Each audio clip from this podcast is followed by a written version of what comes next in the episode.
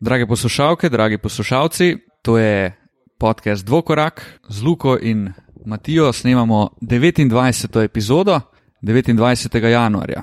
Ta teden smo zagotovo imeli v mislih eh, snemanje epizode, ampak glede na to, kar se je zgodilo v nedeljo, bo ta epizoda en mečken drugačna, en mečken posebna in seveda namenjena številki 24 oziroma številki 8, Kobe Bryantu.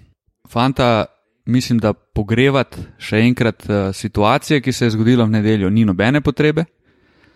Uh, Kobe je bil zagotovo eden najboljših vseh časov.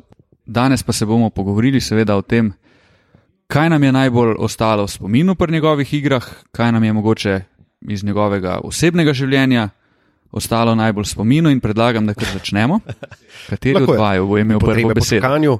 Um, ja, glede na to, kaj se je zgodilo, torej bomo vsak, eh, mislim, da bo enega oziroma dva dogodka, po čemer si najbolj zapomni številko 24 in 8. Uh, eh, povedal, moj recimo prvi je bil, ko sem začel tudi uh, zelo pospešeno NBA spremljati, sicer že par let prej s čikaškimi Biki in Michaelom Jordanom, ampak Kobe vs. Iverson 2001, finalna serija, takrat, ko so v bistvu vsi Filadelfijo odpisovali, Filadelfija je to finalno serijo odigrala s tremi igravci, ki so imeli zlomljene okončine oziroma eno kost.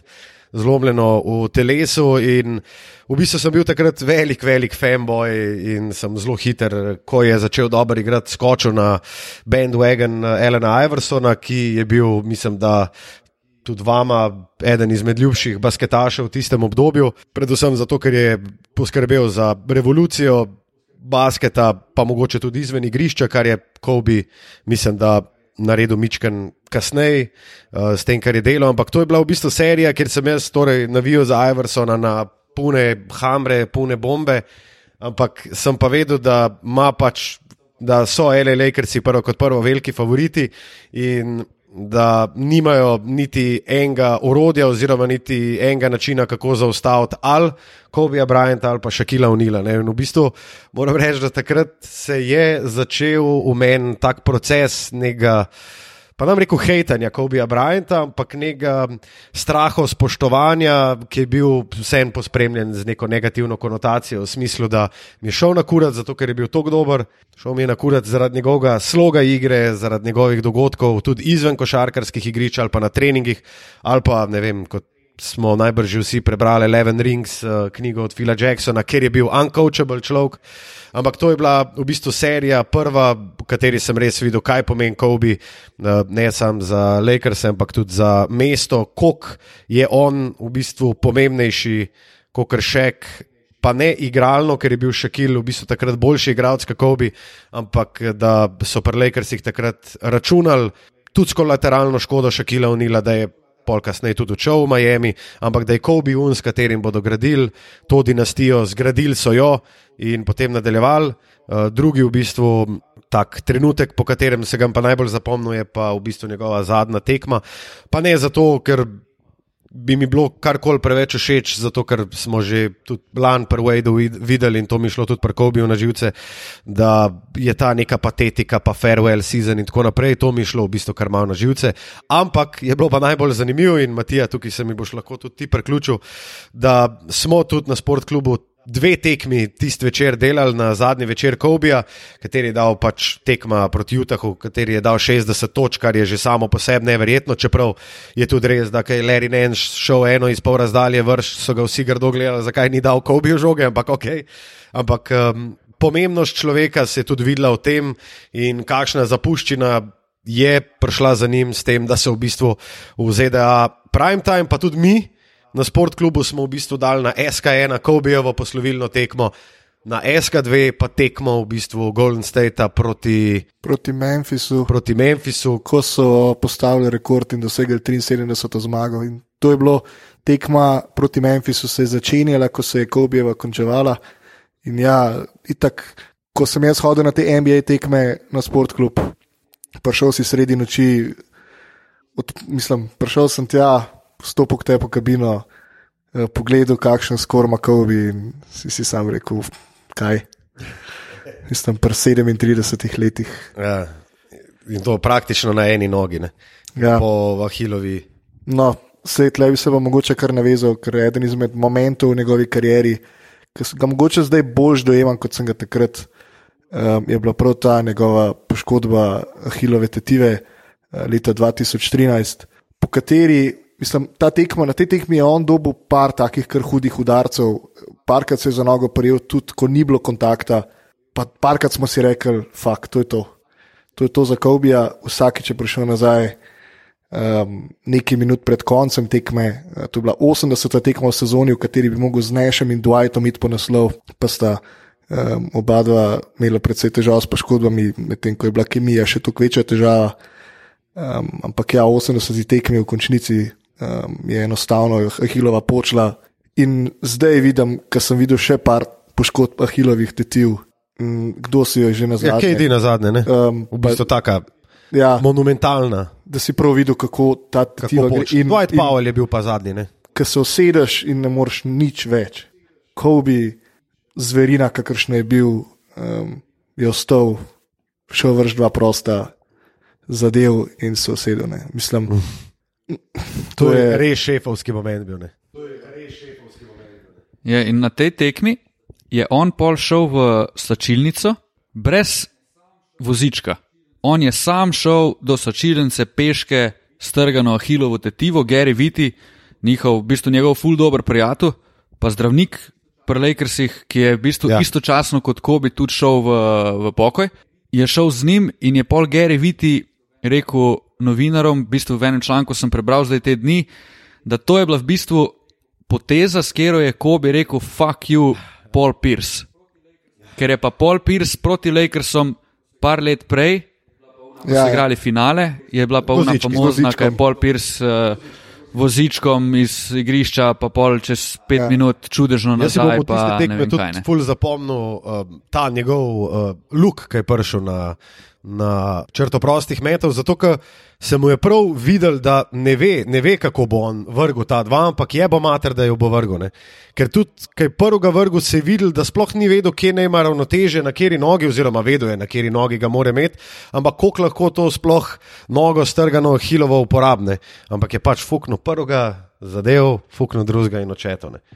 To je, to je v bistvu kar eden bolj motherfuckerskih momentov, po mojem, v zgodovini. No.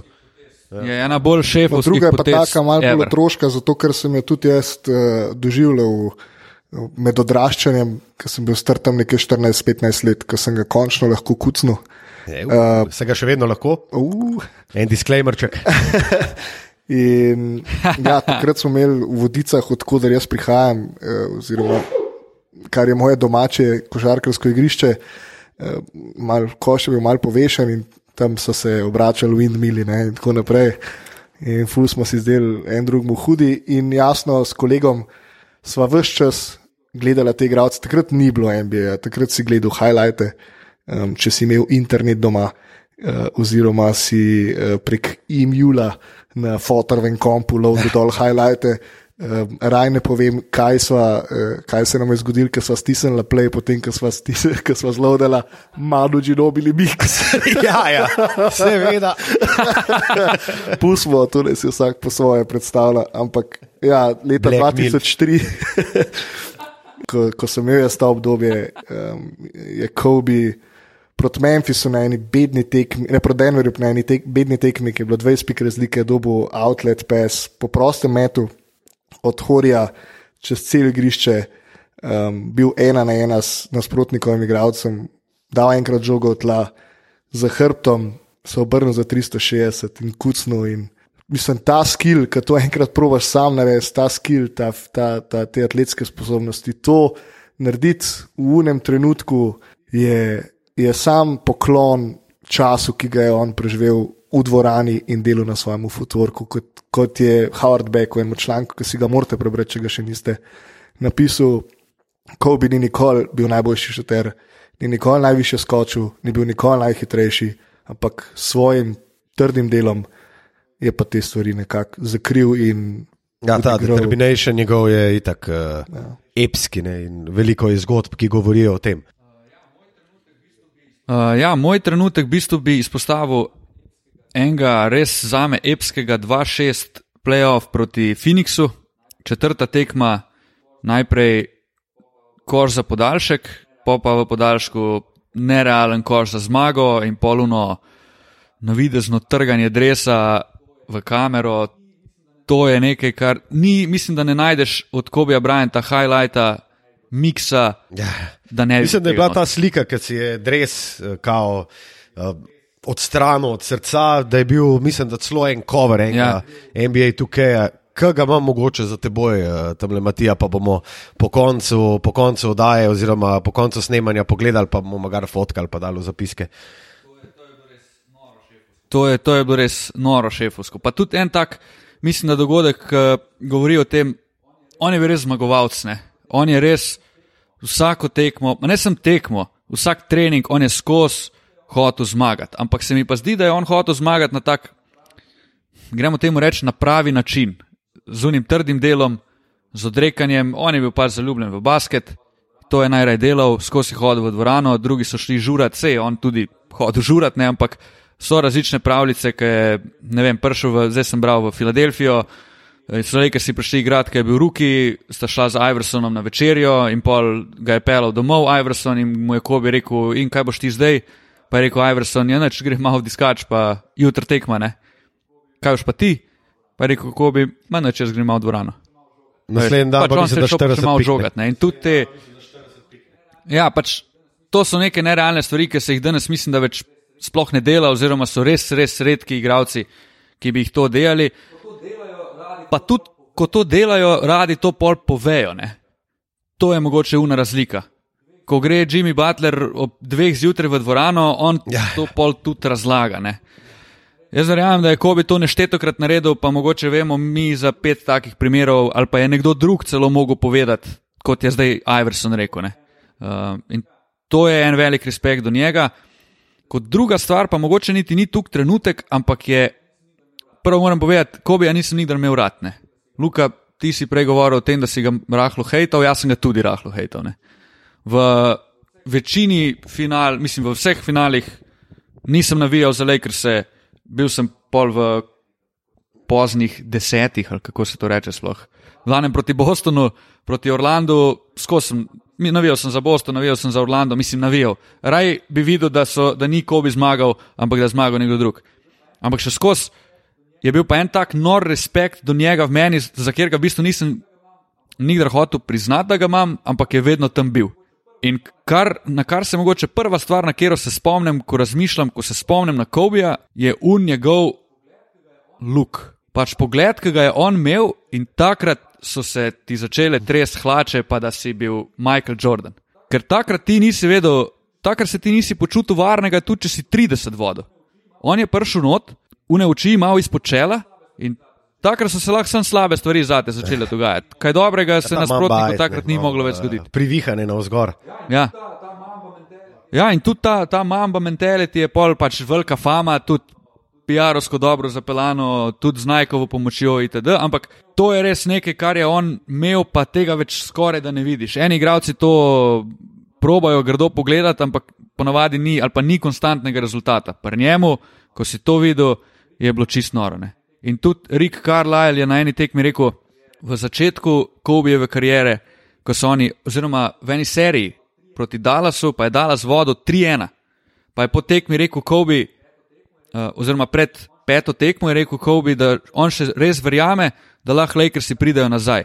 In je rekel Rick Car- Carlisle, če vi mislite, da sem jaz zatisnil oči uno noč pred tekmo, jih nisem. Ne. Ja, ja. Pač, dejansko si se ga bal. danes sem bral eno dobro zgodbo, in... uh, ko so igrali v Sakramentu tam na začetku 2000 in takrat je Sakramento imel ekipo, ki je zmagala 55 v, se- v sezoni um, in so bili res resni rivali za Lakerse. In ne vem, na prvi ali drugi tekmi playoffa so bili Lakersi, res se jim je malkrat zgodilo, da so na polčasu zaostajali in so bili zadnji za 15 pik. In pride reporter, vpraša Kobija, kako se počutite po tem, ko ste celo sezono vodili, zmagovali, zdaj pa tukaj Sakramento trese. Pa rekel, noro mi je. Noro mi je, ker zaostajam in ker lahko grem nazaj in zgrizem. Jaz bi mogoče tukaj se še navezal na to, kar si glihka rekel. On je bil en tak, se mi zdi, oseba, igralec, ki je užival ne samo v njih pozitivnih, dobrih trenutkih, ampak tudi v slabih trenutkih. In iz teh slabih trenutkov je dejansko znal povleči največ, pa se največ naučiti, pa to nucati kot eno noro motivacijo. In za njega se je zdelo včasih, da tudi če je zgubil, je to na nek način bila to zmaga, ker iz tega, da je on zgubil, bo vse ko prej zmagal. Ne? On je zgubil prvo finale proti Bostonu in celo naslednjo sezono se je videl drive, da on ne bo dovolil, da oni naslednje leto, če bodo spet igrali proti Bostonu ali pa proti komorkoli, pač ne bo pustil, da zgubijo. In tudi ni pustil, da zgubijo. Ne? Avtogram. Bi pa v bistvu jaz sam še nekaj dodal, najbrž ste že ugotovili, da to ni pa čista um, taka klasična epizoda podcasta Dvokorak in tudi nismo imeli hate kotička, ampak so me pa nekatere stvari tekom uh, tega zadnjega tedna zelo zmotile in mislim zelo zmotile. No.